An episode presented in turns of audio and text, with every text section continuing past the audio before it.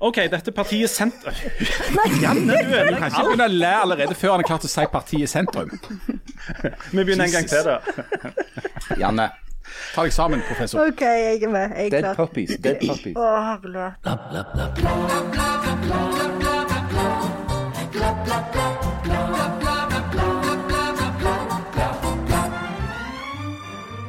OK, dette partiet sentrum, er det bare de litt snurte, men veldig snille reservene til KrF?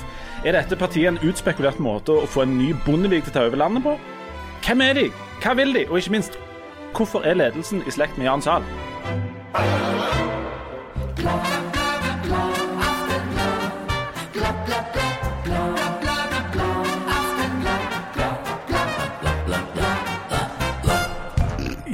Velkommen til Aftenbladet. I sommer så har vi altså besøk av rett og slett toppkandidatene til stortingsvalget. Og der vil vi jo sagt at toppkandidatene til stortingsvalget, det er eh, toppkandidatene for de partiene som sitter på Stortinget. Og alle som kan eh, sin parlamentarisme og sitt storting vet at det er ni stykk. Men vi har utvida med et tiende parti, nemlig eh, vår litt bisarre yndling eh, Sentrum, Maria Heskestad Lund. Eh, Kjære tremenning, hjertelig velkommen til Aftenbladet. Tusen, tusen takk. Fantastisk å få bli med i dette hyggelige laget i dag. Det Ja. var utrolig Er du tremenningen til Jan Sahl? Oh yes. Altså, det er, det er så mye å si her om Dette er så bra. Du er inne i en sånn en semikristelig virvelvind, og det, det syns jeg er så utrolig flott, Jan. For det er dette du har drømt om hele livet. Ja, det er jo mest og mest trist, da. Eh, men jeg skal nok klare å komme til helvete uansett eh, hvordan dere snur og vender på det. Men altså Hva ende skal vi begynne? For at vi har, altså Dette sentrum har jo dukket opp da på en måte i, i vårt univers, altså i eh, podkasten tidligere kjent som Aftenbladet, nå Janne og de. Velkommen, Janne. Takk. Kjekt at du òg gadd å snakke innom. Eh, Harald Birkevold, du ser fin og sur ut, kommentator. Jo Ja. da, det er ganske Jeg ser litt svart på det i dag. Ja, så sitter Leif Tore Linde der borte og humrer. Men, men eh, den som er mest redd her inne nå, det er jo selvsagt Harald Birkevold. For av en eller annen merkelig grunn så har det blitt sånn at hvis partiet Sentrum skulle komme til å dukke opp på Stortinget, så skal Harald Birkevold tatovere sønnen til Kjell Magne Bondevik, Bondevik på låret. Og det er jo et helt åpenbart mål, tenker jeg. Og det er noe av det jeg ser fram til her. Det er å få oppleve det. Ja, for her har jo dere en motivasjonsfaktor som ingen andre Oh, yes. partier har. sant? Ja. Altså, ja. Og så, skal vi komme tilbake til dette med slekt. Det er så mye, som sagt. Sorry, det blir mulig litt rolig. Nå har har Birkvold bedt om replikk, vær så god. Ja, for det jeg har Egentlig så har jeg lenge, nesten så lenge jeg kan huske, så har jeg hatt et prinsipp, et bærende prinsipp i livet, det er at det er bedre å angre på noe du har gjort, enn noe du ikke har gjort. Ja. Men dette er et unntak. Fordi at eh, den lovnaden som jeg ga, eh, angrer jeg veldig på. Eh, og jeg syns jeg tok personlig avstand for at vi skulle invitere inn en representant for dette partiet, og dermed gi de vind i seilene i denne valgkampen. Nettopp fordi at risikoen er jo til stede for at, eh, at dette må, må da realiseres. Eh, at jeg må tatovere sønnen til Kjell Magne Bondevik, Bondevik Ja. på låret. Og, og Grunnen til at denne problemstillingen i det hele tatt dukket opp, det var jo at det plutselig dukket opp et nytt parti i Norge, som da altså heter Sentrum. Det gjorde det. Ja, Maria, hvordan i himmelens navn, Veldig bra, ja. Jeg liker det. no pun intended, eh, kom eh, partiet Sentrum til? Partiet Sentrum eh, de kom til fordi at det var noen i Oslo, det var jo Geir Lippestad i spissen, og han eh, møtte tilfeldig andre som likesinnede, som eh, hadde lignende tanker om at det er en økende uro for dette med økende utenforskap som vi ser i Norge. At flere og flere faller utenfor samfunnet vårt, eh, og kjente at dette er noe som vi, vi må ta tak i, samtidig som eh, de eh, tenkte at vi trenger en politikk som bygger på FN sine bærekraftsmål, og hvor klima- og miljøsaken kommer i front. Så det var egentlig den gryende begynnelse for de, da.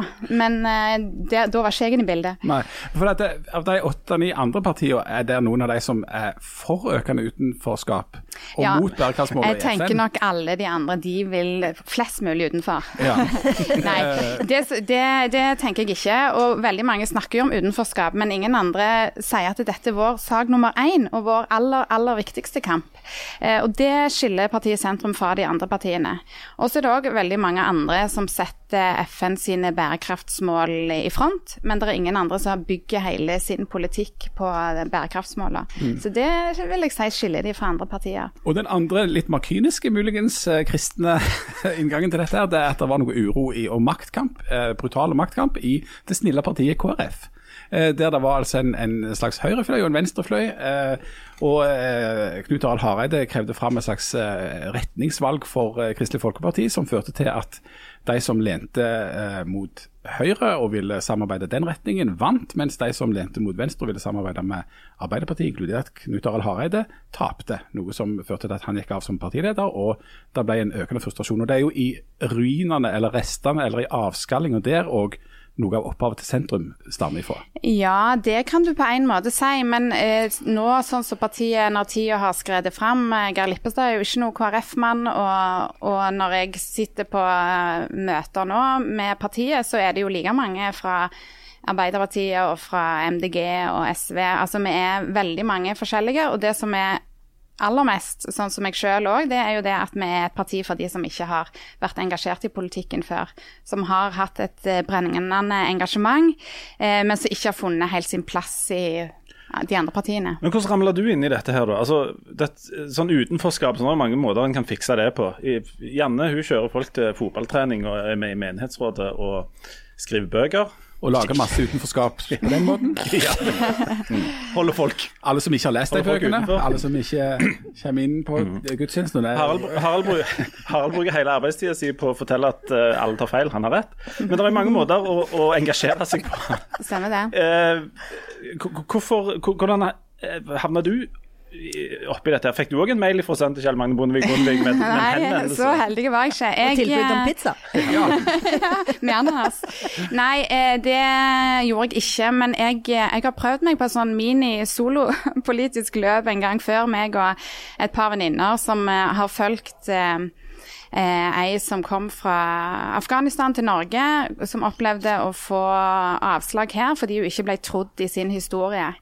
Og det å følge henne og se hvordan det norske asylsystemet fungerte, hvordan UDI møtte henne uten at hun fikk stille til en samtale, og uten at hun fikk eh, melde tilbake, altså kontradiksjon rundt eh, sin sak, det var en veldig skremmende opplevelse. Og jeg fikk et helt nytt syn på den norske rettsstaten. Eh, og I den forbindelse så var det meg og disse to venninnene mine som tenkte at dette må vi ta tak i, vi må gjøre noe. Så reiste vi til Oslo da, fikk et møte med Masud Gharahkhstani fra Ap og Sveinung Rotevatn fra Venstre.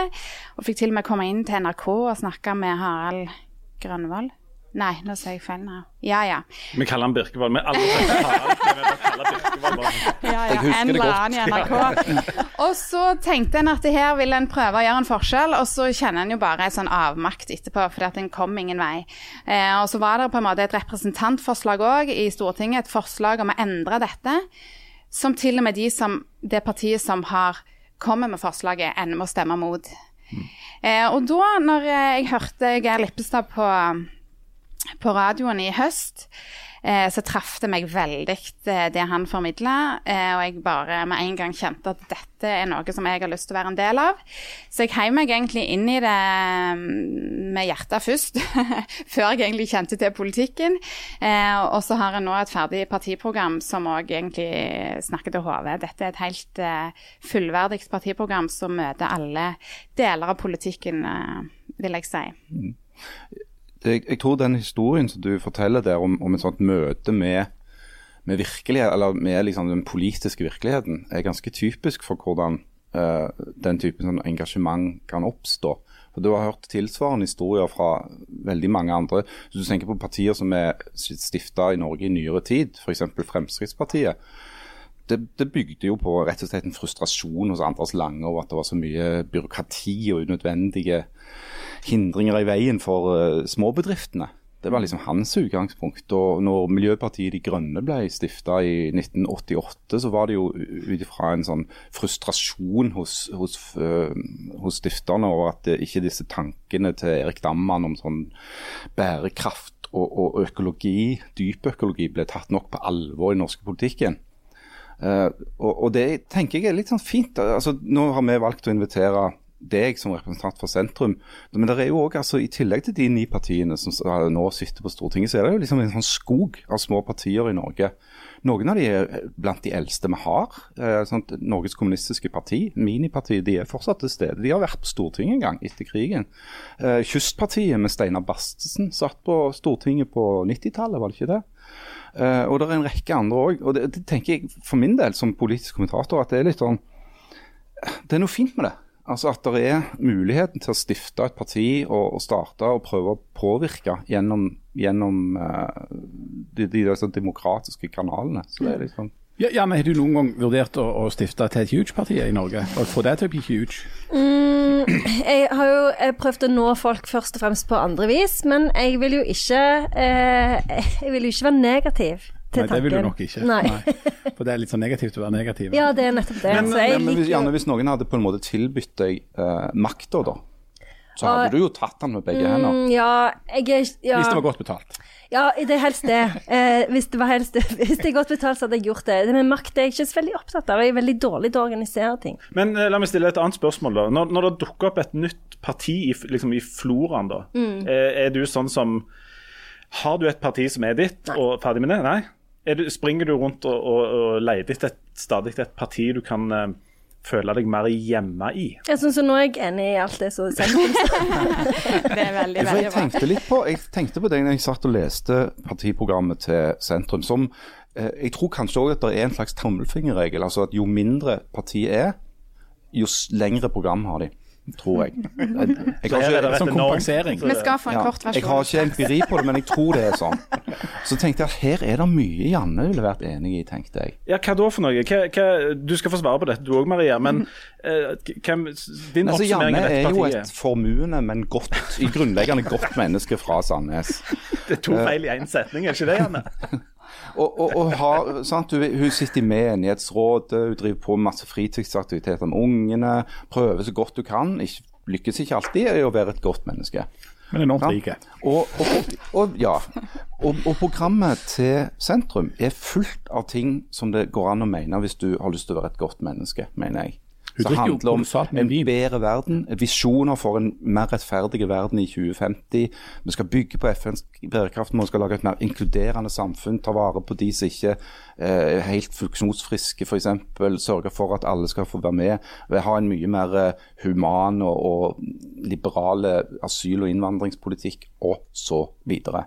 Og det er massevis der som jeg tenkte dette er partiet de andre tenkte jeg. Men så er det sånn at det står jo sånne ord i stort sett alle program. Det er altså ingen politiske parti som har noen ting på programmet som på en måte strir sånn direkte imot det du sier. Det vil si, akkurat på innvandring så, så vil en kanskje være no, noe eh, reservert. Men det baserer seg jo på ofte en slags sånn realpolitiske forståelse. Da? Altså, det, er, det er enormt mange idealer i politikken og, og enormt mange skildringer i programmet av ideelle samfunn der alt er kjempefint. Og så viser det seg at eh, når vi da ikke er helt der, selv om vi da altså er på topp av alle rankinger i FN og eh, alle som måler det, vi er liksom omtrent verdens beste land i historien noensinne. Beste plass å bo. Eh, Så, så handler jo det om noen sånn realpolitiske ting. altså At det er altså en begrensa mengde penger for eksempel, tilgjengelig. Um, uh, når det gjelder da innvandringspolitikken f.eks., så, så er det jo da en diskusjon hvor mange skal det rike landet Norge ta inn i det som er en verden der mange er fattige, f.eks. Og da vil eh, de mest idealistiske si ja, nei, eh, vi må dele eh, alt vi har, på en måte, og folk må bare komme. Mens den andre ekstremversjonen er at nei, det har vi ikke råd til, og vi må ta, ha de pengene sjøl, så derfor må vi eh, sette ei, ei grense på eventuelt null. Og så er jo realiteten en plass imellom der. Men er det da 50, er det er det 100, er det 1000, er det 50 000, er det 10 000? Fører det til noen økonomiske problem? Fører det til noen integreringsproblem? Fører, altså, fører det med seg noen problem? Og Der har jo dere gått inn da i sentrum med en veldig sånn åpen og, og, og raus holdning. Hvor, hvor går deres grense, og ser dere noen utfordringer i å være såpass uh, romslige? Ja, eller Først vil jeg bare svare litt på det med det som skiller oss. For jeg, jeg er enig i at vel, alle partier vil si at de ikke vil ha, ha at folk skal oppleve utenforskap. Men asylpolitikken som du trekker fram, og miljøpolitikken vil jo òg skille oss fra veldig mange partier. Eh, og jeg tenker òg en del innen skolepolitikken vil sikkert òg skille oss fra en del av partiene. Men, eh, men eh, hvor går grensa, ja, og, og, er det en plan for det? Altså, Vi har jo ikke midler til å ha noen til å sitte ned og lage alle slags budsjetter og sånn foreløpig. Men eh, for veldig mange ting så er det en plan, og innen miljøet så er det en veldig god helhetlig næringspolitikk som òg tenker på arbeidsplasser og tenker på økonomien til landet. Eh, innen asylpolitikken så er det klart at eh, en kan se på innvandrere som en utgift, men en kan òg se på dem som en ressurs. Eh, og det tenker jeg og mange med meg. Og vi ser jo at når innvandrere har vært i arbeid over litt tid, og første generasjon, så eh, blir de en arbeidskraft eh, og et supplement. Og de skaper på en måte et flerkulturelt samfunn som kanskje er et mer eh, spennende samfunn å bo i. Bare på godt? Ja, det kan nok sikkert være begge deler. Det kan gi utfordringer òg. Men hvis vi bare kikker innover, bare ser på vår egen lille navle og ikke ser ut hvis Jeg opplever at vi, vi blir eh, innovervendt i dette landet. Vi verner om vår rikdom. Og jeg, jeg, tror jo at hvis vi bare sitter på vår lille øy, så er vi jo en del av en større verden som hvis vi eh, som, som trenger stabilitet. For Norge er et veldig lite land hvis det blir en ustabil verden. Så jeg tror at vi må se utover, vi må tenke på de fattige rundt oss, og vi må være aktive. Ikke si vi skal hjelpe 50 fra Moria hvis, alle, hvis åtte land gjør det før oss. Eh, men heller gå i front og si vi gjør dette, gjør det dere òg. Og bidra sånn at vi får eh, en bedre plass og en mer stabile verden, som jeg tror vil gagne oss på sikt. Da. Sverige starta jo sånn på et visst tidspunkt. Sverige og Tyskland tok imot eh, veldig veldig mange eh, flyktninger under den eh, flyktningkrisen. Og så på et visst tidspunkt så måtte de stenge igjen fordi det rett og slett ble overload. Ehm, hva tenker du når du ser sånn et sånn praktisk eksempel på det med å ha den åpne og rause holdningen? Ja, jeg tenker jo at Vi kan ikke bare åpne alle sluser, alle får komme. altså Selvfølgelig, det må, det må være grenser, og det må være vurderinger, og det må være gode rettslige vurderinger på hvem som skal få opphold. Eh, så det, det, jeg tenker ikke vi skal bare åpne alle porter og slippe alle inn, men, men vi er langt derifra nå. Så vi har jo satt 10 000 som et eh, tall eh, i forhold til kvoteflyktninger. Eh, og så har en jo òg en veldig sånn politikk i forhold til disse ureturnerbare, som Arne Viste kjemper for. Vi har mange i dette landet som lever på en måte i limbo, som ikke har noen rettigheter. De kan ikke få seg bankkort og VIPS og kanskje få seg en jobb og fastlege. Eh og, og de menneskene der ønsker å jobbe, ønsker å bidra. Eh, og de må vi la få jobbe til de har sin sak avklart. Eh, og jeg tenker òg at vi må ha et system som etter en viss tid gir de et slags amnesti. Hvis de ikke hører til her og ikke hører til, ingen land vil ta imot dem, så må vi ha en løsning for dem på et eller annet tidspunkt. Og Dette er jo synspunkter som òg er kjent fra uh, det du kan kalle den, uh, den liberale sida av uh, Kristelig Folkeparti før uh, den politiske splittelsen som skjedde der, eller det oppgjøret som skjedde i forbindelse med om, vi skulle gå inn eller ikke gå inn i regjering med Frp. Eh, så Sånn sett så er jo dette kjente toner ifra Eh, sentrum i norsk politikk fra ja, før. Du drar eh, tilbake KrF. Personlig har jeg ikke stemt på KrF på, på, all den tid. Men, Eh, ja, mm. Men altså, det, det, er helt åpenbart at det er en link der, ikke minst fordi at uh, sønnen til Kjell Magne Bondevik Bondevik er, er sønn av Kjell Magne Bondevik. ja, Og ikke bare det, han er far til Simen Bondevik, som på dramatisk vis meldte seg ut av uh, KrF pga. bl.a. Uh, innstrammingen i asylpolitikken. Du snakker om sønnen til sønnen til Kjell Magne Bondevik Bondevik Bondevik? Det er helt riktig, det er akkurat han. Eh, men det er et punkt i programmet om Du snakket jo om dette med at hadde, eh, du mener at det er en bra og helhetlig næringspolitikk. Det er ett punkt i sentrum sitt program som er vanskelig erfaringsmessig å selge inn i Rogaland. Og Det er punktet om at en ønsker å avvikle eh, oljeindustrien i løpet av en 15-årsperiode. Mm. Og si nei, eh, kategorisk nei til nye lisenser. Nylig så gikk jo MDG et parti som fisker i den samme dammen, ut og satte et sånt absolutt krav for å støtte en regjering eh, etter valget i høst, eh, om at den regjeringen måtte òg si nei til nye lisenser. Eh, ville det vært aktuelt for sentrum å sette et sånt absolutt krav? Oi, det var litt sånn langt fram, eh. Men, men eh, vi har jo Vi ønsker å stoppe leide, nye leide på nye områder. Men å snakke om krav nå, det føltes veldig sånn eh, Men det står jo svart på hvitt i programmet at eh, norsk olje og gass skal avvikles. Det skal lages en plan for Helt avvikling. riktig. Det er det ordet som står. Absolutt, og det er jo det som en vil kjempe for. Eh, og det jo, var jo fascinerende med denne her nye IEA-rapporten som kom da, sant? hvor Det internasjonale energibyrået sier at nei, vi må stanse godkjenning av nye felter. Jeg har jo spurt meg selv om de hadde en liten spinion inne på vårt landsmøte, for det at de kom med den rapporten rett etter landsmøtet. Så Tilfeldig. tenkte- neppe. Jeg ser ikke vekk fra at Ja. IEA bruker mye ressurser på sentrum. Det tror jeg, for de tenkte her er det et potensial i norsk politikk. Ja. Hvor vil de? Men du, blir du, du, blir du kjempepopulær i nabolaget ditt hvis du springer rundt til alle oljefolka som bor i, i området rundt der og sier at din jobb skal vi legge ned, din jobb skal vi legge ned, din jobb skal vi legge ned, alle skal bli fastlege og eller sånn innvandrerkonsulent. Du, jeg har fått, eh, fått en del Jeg har jo mange venner som eh, jobber i, i oljenæringen, og de har stilt spørsmål, og det syns jeg er, er viktig og riktig. Vi kan ikke stoppe på dagen. Vi har satt med at vi ønsker å ha en avvikling i løpet av en, løpet av en 15-årsperiode.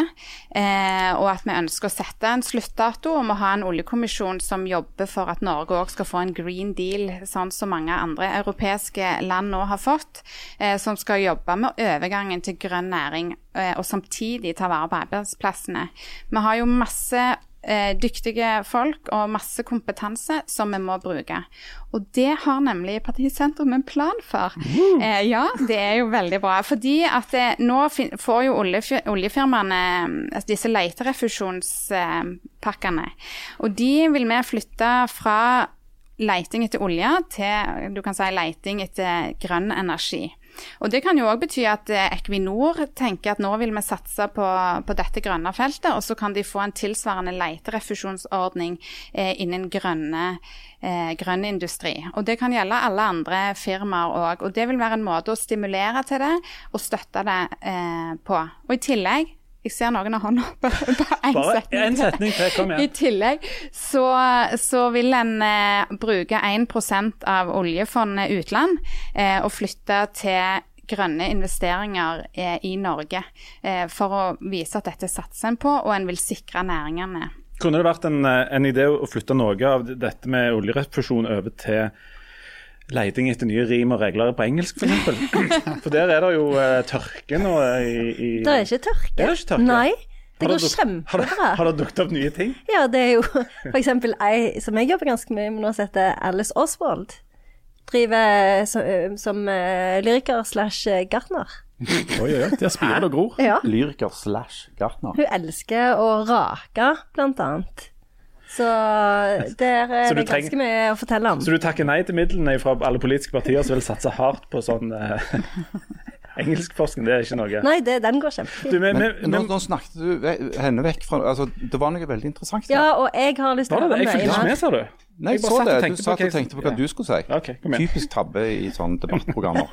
Det er ikke et debattprogram, det er et familieprogram. Ja, det er fami- familieprogram med litt debatt. Men okay, det, er at det, det er lignende tanker som er tenkt i det som da ikke er Norges kanskje minste parti, men største parti, Arbeiderpartiet, eh, om akkurat det som du sa nå.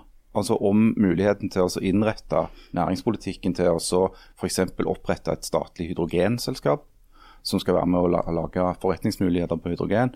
Et statlig eh, havbruksselskap eh, altså når det gjelder havvind.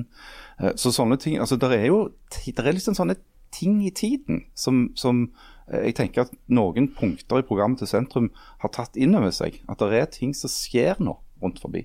Jeg vet ikke ehm, om det er blitt nevnt tidligere noe, men jeg har hovedfag i sammenlignet politikk, så jeg studert enormt lenge på akkurat det Er det hovedfag, eller er det master? Nei, det er hovedfag. Det var Ja. før mastergraden, så dette betyr at jeg brukte ekstra lang tid. Hovedfag er mye tøffere enn master. Det er mye, er mye tøffere. tøffere. Det var Det mye bedre før. Alt var mye bedre før.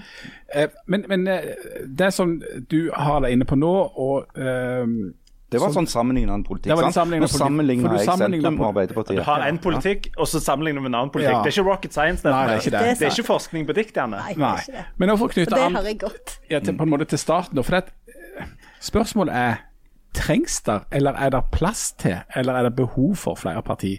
Altså, jeg, jeg er enig i at det er noe flott i at et engasjement for et eller annet kan føre til at uh, her i, i dette landet så er det fullt rom for å engasjere seg og sette i gang og, og, og samle seg og muligens lage et parti eller en organisasjon eller hva det måtte være. Og Der finnes jo en drøss med organisasjoner, finnes en drøss med parti. Uh, men så er det altså grenser for hvor mange parti som viser seg til slutt å komme inn på Stortinget. og Det er det lagt inn noen sperrer. Rett og slett fordi at Det er ikke sånn at det blir mer demokratisk og et bedre fungerende system jo flere parti vi har. Altså det, det, det er ingen sånn sammenheng. Noen parti, noen, I noen diktatur har de bare ett parti, men i noen store demokrati så har de f.eks. bare to i praksis. Sant? Du ser hvor flott det fungerer i USA. Ja, sant? du ser hvor flott det fungerer i USA. Sant? Sånn at, at, at i, i, Norge så er det et slags kompromiss der, der er lagt inn ei sperregrense som gjør at du må nå en viss størrelse for at du skal på en måte få en skikkelig representasjon på tinget, samtidig som det er en ganske bred vifte av ulike partier. Og Noe av det som må være utfordringen for sentrum, det er jo da at dere plasserer dere da i sentrum eh, rett og slett av norsk politikk. Dere mener en hel drøss med ting som en hel drøss med andre partier gjør allerede. altså Dere har tatt inn tanker som de aller fleste allerede har tenkt. Eh, er det ikke en utfordring for dere å klare å skape dere en sånn egen identitet? en måte, altså At dere skiller dere ut på en måte som det da skulle gi en slags berikelse? Risikoen er jo at dere heller bidrar til å utradere sentrum. Fordi at dere stjeler noen stemmer kanskje fra KrF, kanskje noen fra Venstre, kanskje noen fra altså, eh, MDG. MDG. litt sånn så det er sånn at Alle de små partiene egentlig bare blir mindre fordi at de splitter hverandre opp. altså Dette er kjent fra Monty Python-sketsjen People's Judean Front mot Judean People's Front of Judea. Altså, ja. Ja, nei, så det eh, tenker jeg hver enkelt må stå for. Eh, folk må finne det partiet som de er mest enige med, og så må de stemme på det. Og jeg var partiløs og fant sentrum som har for meg klaffa på eh, mål på alle områder. Eh, så, så, går min stemme der. Og så tenker jeg det er ikke noe mål i seg selv at noen andre skal falle utfor eller sånn. Jeg tenker at eh, vi er partiet sentrum med vår politikk, og de som eh, støtter oss, de stemmer på oss. Og så må nesten eh, vi se hva som skjer med det. Men hovedmålet er jo å få en tatovering eh, her på Harald. ja, og, og, det vil jo òg da som en bivirkning ha en inn på tinget, og det er jo kjempefint. Vi må ta en veldig liten pause, og når vi kommer tilbake igjen, så skal vi grave mer bl.a. i dette med at Jan er i slekt med partiet Sentrum. Der er det mye mørke. Vi er snart tilbake.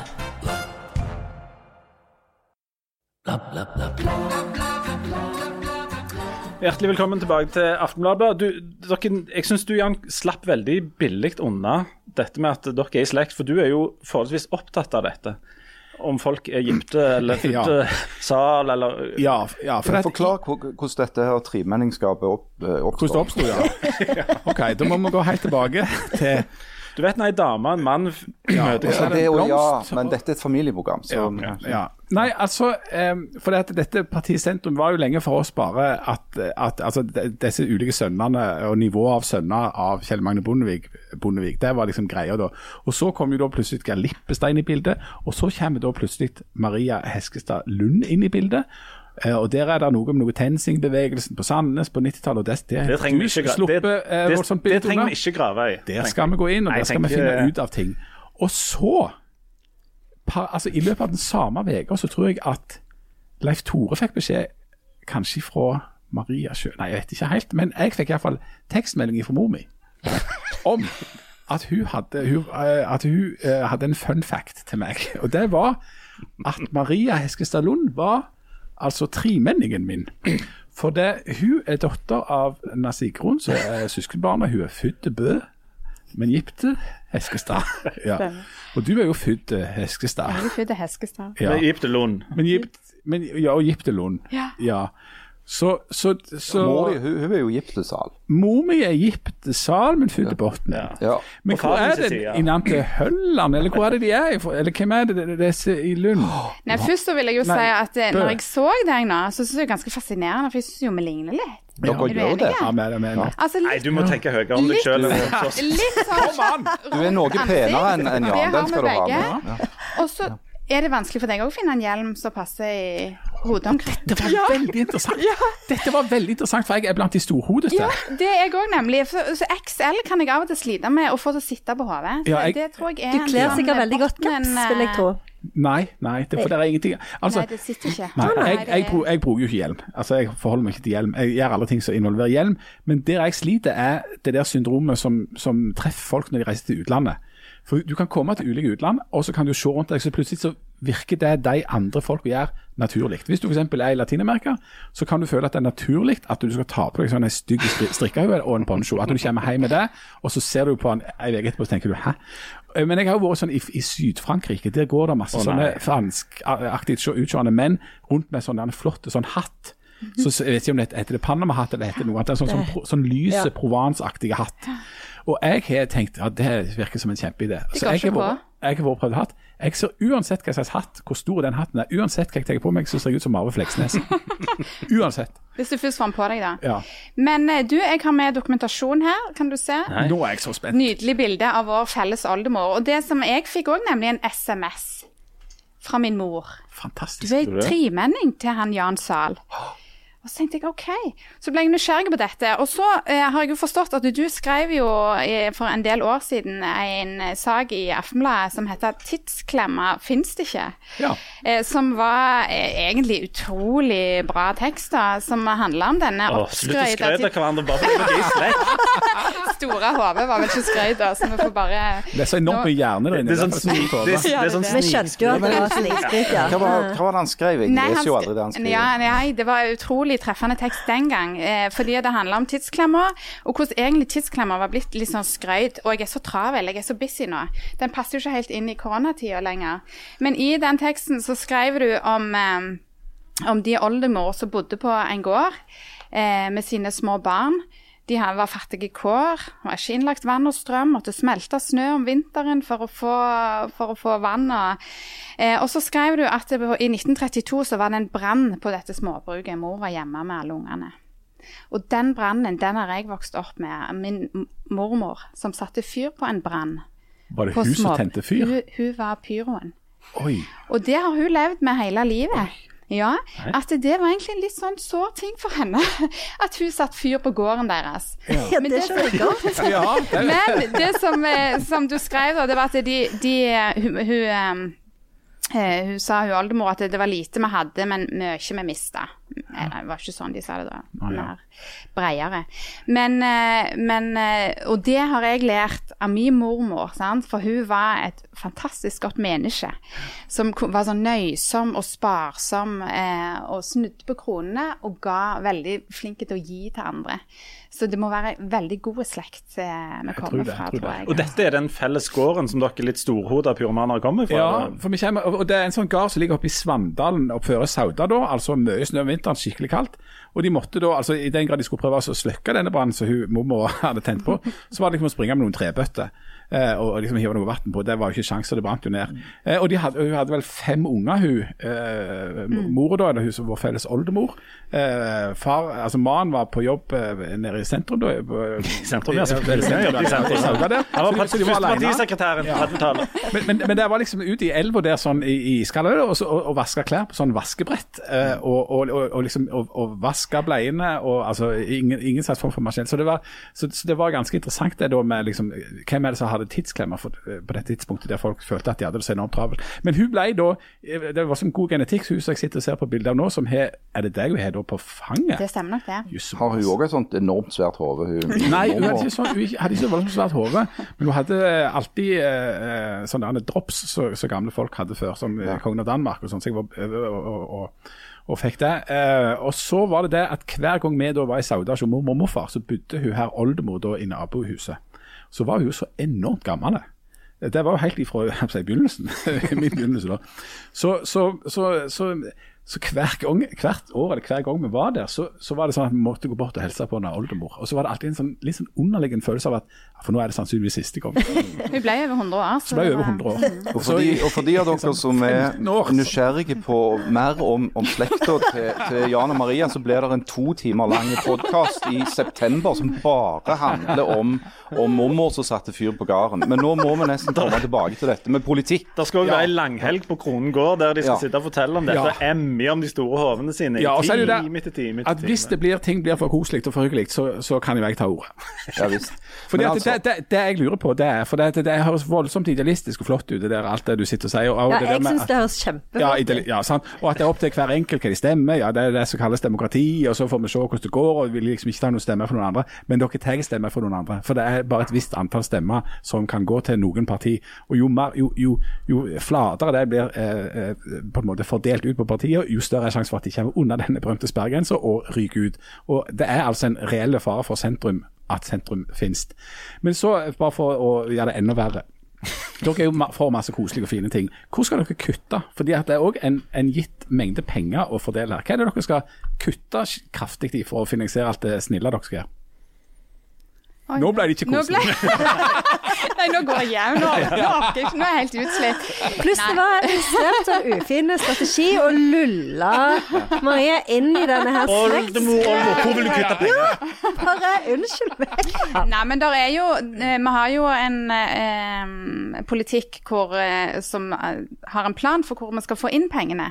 Eh, og, og så må man jo se hva ting koster, og selvfølgelig så er det jo Jeg vet jo at en må jo kutte en plass, eh, men jeg, jeg vet ikke hvor jeg skal Er det Hvor skal vanlig, begynne? er det vanligst at politi, politikere svarer på det, eller hva pleier de å si? Ja, de, bare lister opp en lang liste på alt de skal kutte på. Ikke si noe til dem. Altså Noen sier f.eks. hvis du spør eh, SV eh, om hvordan de skal finansiere alt, eh, så sier de de skal skattlegge de rike mer, f.eks. Ja. Og på Det står ikke så veldig mye om skattepolitikk i deres program. ja, da har du lest den grundig nok, da. Ikke så mye, står- sa jeg. Det står Nei, noe. Det står noe. Ja, nei, det står noe, og, og en vil ha skattepolitikken eh, lignende som nå, men de eh, som har eh, en inntekt det, Jeg lurer på om det står eh, eh, under 400 000 skal få lette, og over 1,2 skal få økt. Mm. Men, eh, men der har de glemt å spørre meg hva jeg mente. Hva mener du? ja. Nei, jeg ville nok stramt det enda litt mer inn, eh, men, men det Vi er helt nye, så vi må ha flere runder på flere ting. Mm. Men eh, det står i hvert fall om skattepolitikken. Men du jobber jo som fastlege. Det stemmer. Og det som det står mye om i programmet til sentrum, er privilegier for fastleger. Og Ja, ja, det, det er jo et eget lønn for fastleger, Ja, ja, økt status. Ja, ja. Det er et helt kapittel om det. Men, og leger som ikke faste, skal skytes. nei, det står veldig mye om helsepolitikk og hvordan en skal skape et mer et varmere og inkluderende samfunn som skal ta vare på flere. Og, sånn. og Da kommer jeg til å tenke på at jeg har eh, en venninne som også er fastlege. og Hun sa til meg for ikke så lenge siden at sånn omtrent ni av ti ting som folk kommer til henne med som fastlege, kanskje hun hjelpe dem med. Hun må si at eh, det, får se om det går over, eller et eller annet sånt. Er det òg din erfaring? Altså, er det, en, det jeg vil frem til, er, er, det en for mye optimisme når det gjelder hva vi kan hjelpe folk med som samfunn? Ja, eller jeg eh, tenker nok ikke det. Altså, jeg tenker jo at eh, i eh, det vi ser nå, det som er status, det er jo at én av ti har en eh, uføregrad i Norge. Og én av fem faller ut forbi videregående skole. Så vi ser veldig mange som faller vekk, og som òg da selvfølgelig eh, er folk vi ønsker å ha med, og som òg kunne vært med og gitt eh, penger inn til staten hvis de var med eh, og deltok i arbeidslivet, som er det beste for alle.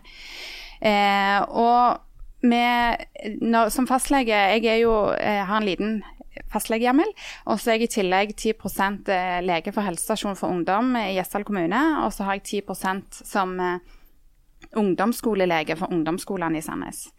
Eh, og gjennom de, de eh, jobbene der, så ser jeg jo veldig mange som har det tøft. Jeg ser unger som har skolevegring, jeg ser ungdommer med psykiske helseplager og spisevegring. Jeg ser studenter som føler seg ensomme og har selvmordstanker.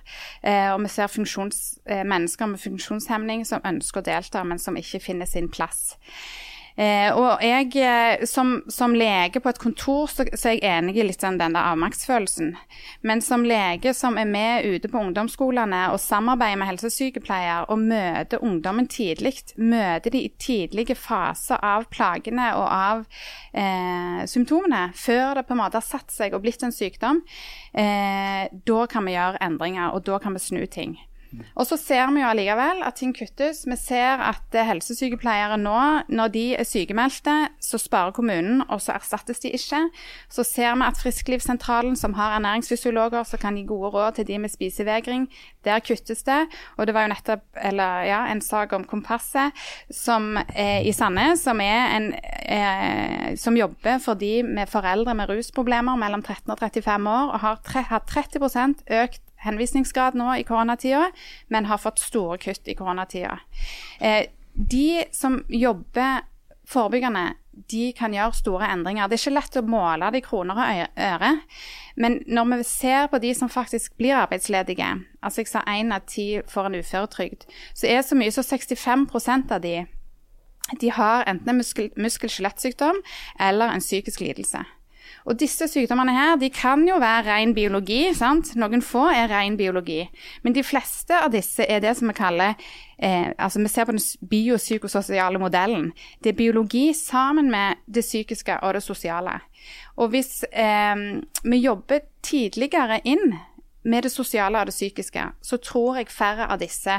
Jeg tror Merete, som vi møter, eh, som ikke har, går på en liten skole, som ikke har sosiallærer, og derfor får ikke hjelp i barneskolen når hun er ensom, så begynner på ungdomsskolen og får begynnende spisevegring, men der er det ingen helsesykepleier som kan hjelpe henne. Eh, og så vokser hun opp og får vondt i ryggen, og så kommer det frem at hun hadde en mor som drakk alkohol, og har ikke fått hjelp, og hun trengte opp igjennom, og så ender det med en uføretrygd.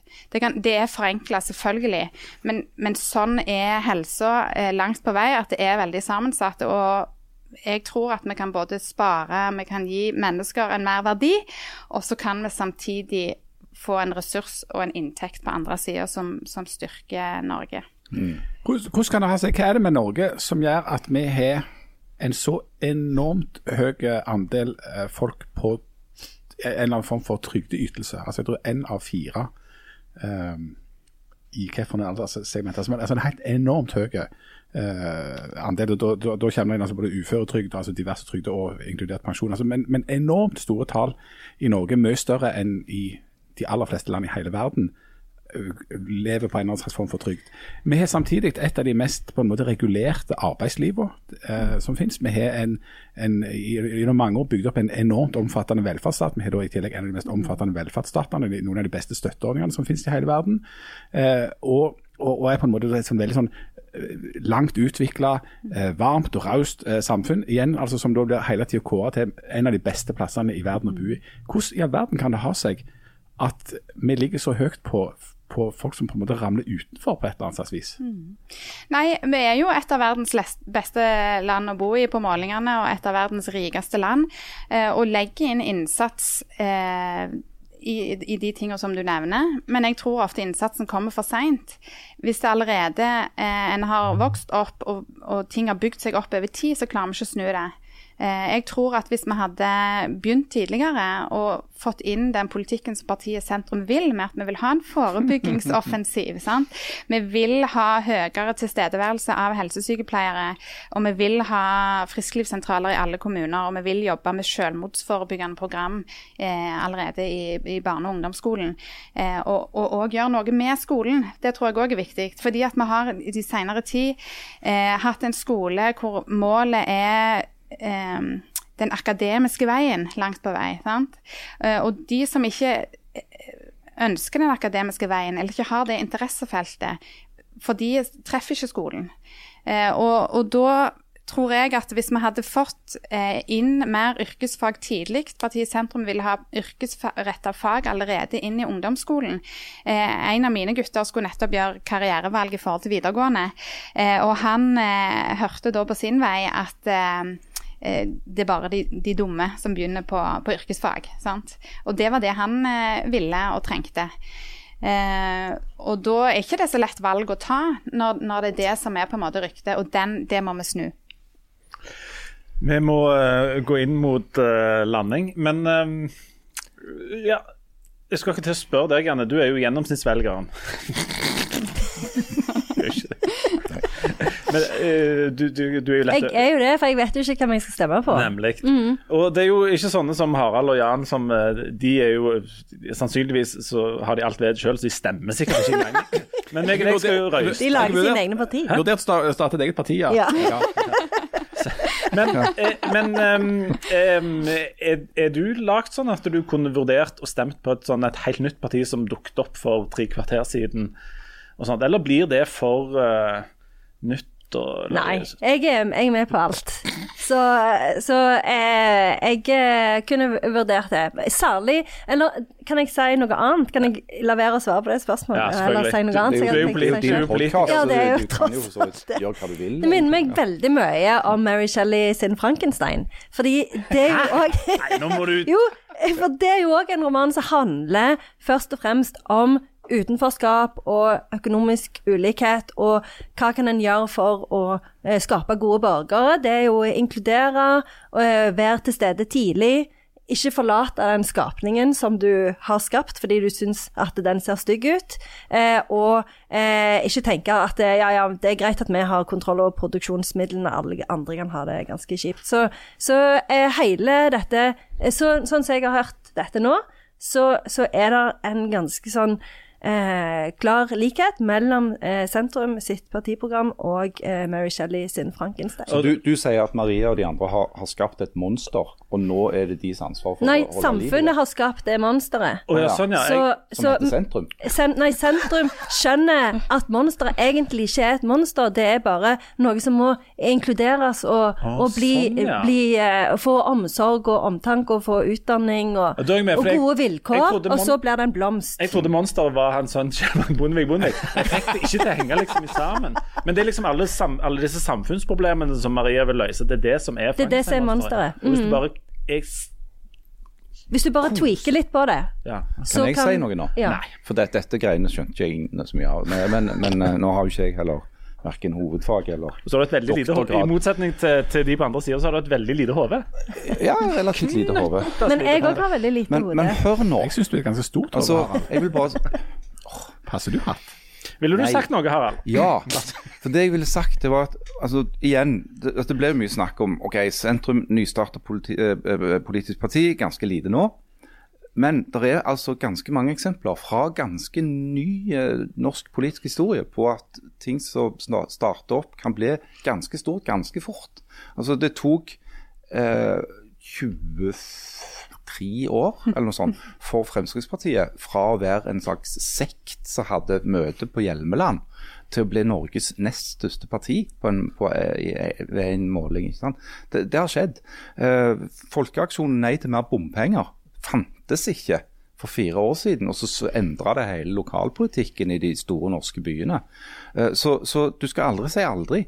Men, men det som jeg er litt nysgjerrig på, som jeg lurte på om du kunne si noe om sånn helt sånn avslutningsvis for det er Ofte så er politiske partier særlig når de er avhengig av å ha en fiende. De, har, de er nødt til å ha noen De har en sånn politisk hovedmotstander, eller noen de vil, vil til livs, så de er veldig uenige med. Eh, sentrum er så snille. De, de liksom har ikke altså, Har ikke dere noen som dere virkelig ønsker å ta knekken på? Ja, Må, må vi ha det, tenker du? Altså, Nei, det jeg sier ikke at det går bra, men det hjelper jo ofte politisk. Det hjelper ofte, ja. ja for det er, er jo mange sånne, eller noen har, er mer sånn ettsakspartier sant, som blåser seg opp. Jeg, jeg tenker jo Partiet Sentrum er et parti som eh, har som mål å bygge seg opp over tid, og, og få en plass og få en stemme som er betydningsfulle etter hvert. Eh, hvis en trekker fram sak etter sak, så vil det jo absolutt være partier vi er uenige eh, med. Eh, og så er det mange Men, men det, sånn vil jo alle ha det. Der er jo, hvert parti kan, vil jeg jo kunne peke på noe jeg er enig i, eh, og noe jeg er veldig uenig i. Så Altså, en gjennomlesning av programmet deres sier meg at dere står på veldig mange punkter veldig langt fra Fremskrittspartiet. ja, det mm.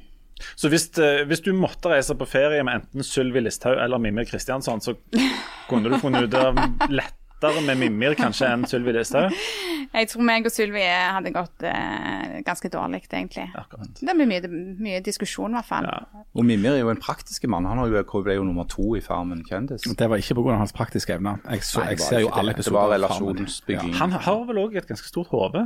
Han er ganske stort hode. Han, han kan kunne være noe i slekt med, med noe Island og noe der med Ja. dere. Men hovedmotstanderen er jo problemene i samfunnet. Stemmer. Veldig Ja, det er jo akkurat som i Oi, Frankenstein. oi, Derfor har jeg jo sagt allerede. Det ender Ja. alltid opp med noen sånn litteraturgreier jeg ikke forstår. Litteratur forklarer alle ting. Fantastisk. Og ja. Feel free Nå må den bare leie analogien. inn Ja, hun- ja. som ja. sånn, eh, nå må vi av... slagordskonsulent. Nå må vi avslutte. Jeg er veldig godt fornøyd med at vi Nei, at for, nei, for vi skal nå- nemlig Nei, nå ikke avslutte. For det er at før, før vi skal avslutte, så skal vi nemlig få svar på det som alle har lurt aller mest på. Det er rett og slett den erotiske torpedo eh, Leif Tore Linde. Som gikk rundt som en hunk gjennom gospelmiljøet på Sandnes på 90-tallet, ifølge deg, Maria Heskestad Lund. Han var kjent eh, blant eh, de eh, blivende kvinnene i dette miljøet under et kallenavn. Hva var kallenavnet? Har vi, har vi tid, eller? Er det et langt kallenavn? Dette lager vi tid til. Vi kutter bare noe politikk. Ja, ja, ja, ja. Nei, altså dette kallenavnet til Leif Tore, det, det han Altså, ett kallenavn vet du om. Nei, altså Altså Leffy. Alle, Jo, alle i Sandnes slutter jo på I, liksom, og bare kjører på den. Nei, men det andre kallenavnet det, det kan, altså, Jeg har jo lurt på hvor, hvor utbredt var det? Jeg, jeg er usikker på, når jeg har tenkt på det, om du kommer til å kjenne deg igjen i det. Nei, skal vi bare slippe bomba, eller? Ja, men, men, men pakk litt inn. altså, Hvem var det som snakket? Hva var det hadde utgangspunkt i? Hva var det som gjorde at dette navnet grodde fram? Og det er nettopp det jeg har eh, undra meg litt over. Kan jeg, kan jeg bare Jeg kan jeg har komme undra meg selv over hvordan det kom sånn. Ja, teori. Jeg vil bare si det at på dette, eller dette dansegulvet her, så var det jo sånn at uh, den der uh, gutt-jente-forholdet i disse, eh, disse miljøene som jeg vokste opp i, var jo sånn at det var enormt mange jenter og veldig få gutter. Så det der jeg, jeg vet jo ikke hvor du vil hen med dette, men jeg vil bare til mitt forsvar si at eh, det der med å At nivået altså Grensa for å bli sånn OK eh, på guttefronten der var Altså, Nivået var så lavt blant disse guttene at det skulle ikke så mye til. Jeg vil bare sagt Nei, men altså, jeg hadde det jo todelt. Det ene, ene var jo hva, hva, hvordan damedraget var, det andre var jo kallenavnet. Og kallenavnet Jeg må bare slippe det først, Ja. og så må jeg heller reflektere litt etterpå, tror jeg. Ja. Det var rett og slett eh, drua. ja. Husker du det? Nei, dette har jeg Og Hadde det med, hodeformen å gjøre, eller hva? Ja, det er ganske Det kan du si. For det kan enten være så banalt Dette er jo ikke et kompliment. Uansett hvor dette ender, så kommer jeg veldig dårlig. Druer fra Hummerså. drua Nei, men altså, én ting var jo Men du husker pæra? Her pæra husker jeg, for det var kameraten min. Så det kan jo hende at det liksom Ja, pæra, og så Ja, vi må jo drua. Per Magne. Ja. Kameraten min, selvfølgelig Pæra. Ja. Men jeg tror ikke det var det. Så jeg på, ja, for på den tida så sa vi jo feila druer, sa vi. Ja. Dere sa du også sa det? Ja, ja, ja. Feila druer. Ja. Og det var jo egentlig litt sånn Er du teit, eller? Ja. Så har jeg tenkt, kan det ha vært det? Men så Han du- teite, liksom. Ja, jeg vet ikke. Men så vet jeg jo, du satt jo Jeg gikk ikke på Sandnes sjøl, men jeg, jeg, jeg mener nok å ha hørt at du satt jo liksom egentlig på fremderste rad og feilte ingenting, men var aktive og, og sto på og gode karakterer og gode greier. Så jeg tror ikke helt at det er liksom feila druer det kommer fra heller. Nei. Nei. Men det var ikke så erotisk. Jeg hadde forventa ja, noe erotisk. nei, men da var det den todelingen. Det ene var jo damedrag, og det andre var kallenavnet. Så det var ikke erotisk. Ah. jeg tror mer det er liksom drua den søte. Mer sånn. Ja, for dette Drua er jo, er jo, det er jo søtt, sant? Og så er det sånn i sånn uh, det, Dette vet dere mer om som ikke har andre i sånn der eh, hedningmiljø, men det er jo der er, det er noe om, om druen og et eller annet eh, ja, Jeg tenker noe sånn I Bibelen, ja. Ok, Helt det- annet enn noen drueklaser. Dette var ikke så gale som jeg frykta, men jeg tror at hvis, hvis dette uh, angivelige kallenavnet som disse uh, forferdelige folka i sentrum da har kokt i hop som en slags hevn på seg Men, men uh, altså, hvis du skal tenke sånn i sånn erotisk retning, så kan du jo ikke komme godt ifra det hvis kallenavnet ditt er Drua. Nei. jeg er ikke uenig i det. Nei. Men OK, nå er katta ute av sekken. Nå er katta ute av sekken, ja. ja. Men det, det, det, dette med sånn pizza Liker du ananas på pizza? Eh, nei, jeg foretrekker ikke ananas. Jeg lurte på om jeg skulle bra. ha med pizza med ananas til dere i dag, som en sånn start, siden dere hadde vært så, så Etter revolusjonen så blir ananas på pizza blant mye annet forbudt. Men altså, for sønnen til Kjell Magne Bondevik Bondevik har jo lovt at det er ikke sånne kristenpizza i sånn langpanne med eh, ananas, men at det er sånn flate italienske Ja, i en sånn raff, altså, sånn, en, eh, og, sånn en bærbare ovn ja, det, fra Ferrari. det ja. Han skal ha dette på sykkelen, ja. Du, nå må vi gi oss et aller siste spørsmål, Maria. Hvis, hvis alt går galt her, så kan jo du risikere å havne inn på dette Stortinget. Er det ikke sånn systemet fungerer, nærmest? Jo, hvis du blir valgt inn, så må du. Har du, har du seriøst tenkt på at det kan skje? Hvis de andre får med seg hele nabolaget Sandnes og alle de storhova på Jæren stemmene, og, og, og oss i druesegmentet og, De pyromane i Svandalen. Men det, det kan ikke For du har sagt at du er villig til å gjøre det. Ja, altså jeg har måttet signere greier Oi. eh, digitalt på at eh, blir jeg valgt, så, så skal jeg det. Men det er jo altså da ikke jakten på makta, som du sa, som har motivert meg inn Det er i pengene. dette. Det er selvfølgelig Ja, det vet gjerne alt om. Det er så fett. Dette kan gjerne en del. Nei, så, så, men, men klart, får vi stemmer, så er det fantastisk. Og det er jo sånn at eh, målet er å få noen inn på Stortinget. Geir Lippestad som nummer én. Hvis jeg blir, skulle bli valgt inn, så skal jeg stille, og jeg skal prøve å gjøre en skikkelig god jobb.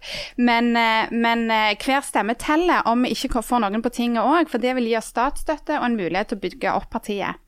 Og så er det sånn at partiprogrammet, hvis, du, hvis folk er nysgjerrige, så er partiprogrammet litt tungt å lese. Eh, men vi skal få en kortversjon, og vi skal òg nå få en podkast som skal oppsummere politikken i noen få episoder, sånn at det skal være mulig å raskt sette seg inn i hva vi står for. Så gjør det. Da får du ha lykke til med, med valgkamp og valg og alt i hop. Um, så får dere storhova sette sammen et seminar om deres felles opphav på Kronen gård til høsten. Og så er vi tilbake om ei uke med flere politikere. Takk for at du var med.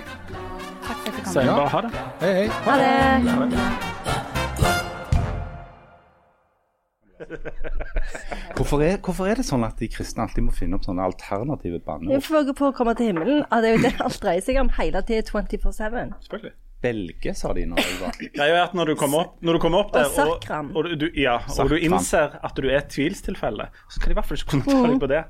De kan ta meg på sånne Alt det andre. ja, holocaust-vitser og forskjellig, men, men jeg skal ikke ha på meg at jeg banner. Jeg har hørt deg banne. Ja da. Og det er jo Men jeg har jo skrevet mye mer banneord enn jeg har sagt. Ja, det gjelder jo heller ikke. Hæ? Det er jo, Det gjelder ikke skriftlig. Nei, det gjelder ikke skriftlig. Det, vet du, jeg skulle ikke forundre meg om det sto et eller annet om det i programmet til Gjør det det? Det vet Ja, jo ikke du, for det det står på side Det 93. står, enormt, det står enormt mye her. Så det kan godt være at vi finner noe nede i fotnotene om banning. Da skal det legaliseres, for da stemmer ikke jeg på det likevel. De, de sier at de skal vurdere legalisere banning på sikt.